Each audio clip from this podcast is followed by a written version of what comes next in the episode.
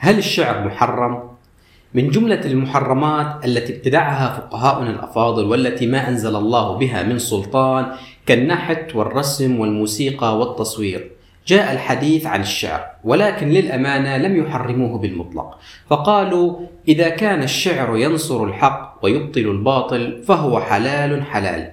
أما إذا كان يدعو إلى الفجور وذم الحق فهو حرام حرام. فجزاهم الله عنا خيرا وأطعمهم طيرا وبما أنهم يكرهون الحياة ويكرهون الحب ويكرهون كل ما هو جميل تندرج تحت كلمة الفجور بمفهومهم كلام الغزل والحب واستدلوا بقوله تعالى والشعراء يتبعهم الغاوون فهل المعني بهذه الآية هم الشعراء بالمطلق؟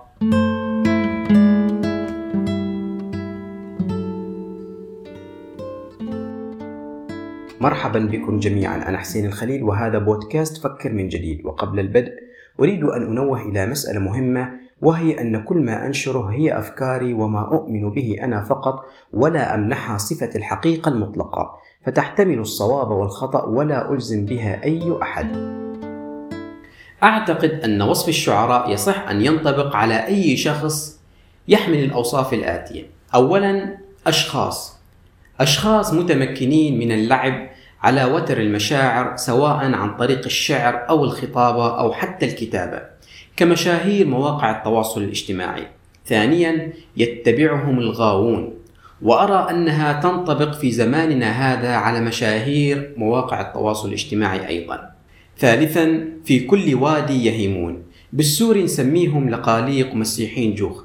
أظن بالمصري يسموهم مطبلاتية. وبدول المغرب أظن يسموهم طحانة أو عياشة ولست متأكدا من هذه المصطلحات. رابعا يقولون ما لا يفعلون وتنطبق فعليا وحرفيا على السياسيين والنواب في بلداننا العربية.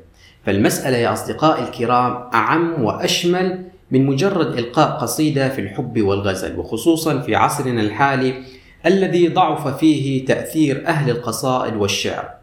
باعتقادي أن وصف الشعراء يشمل من يسمى بالشخصيات المؤثرة في الإعلام والسياسة من ناحية التأثير السلبي على أتباعهم من الغاوين.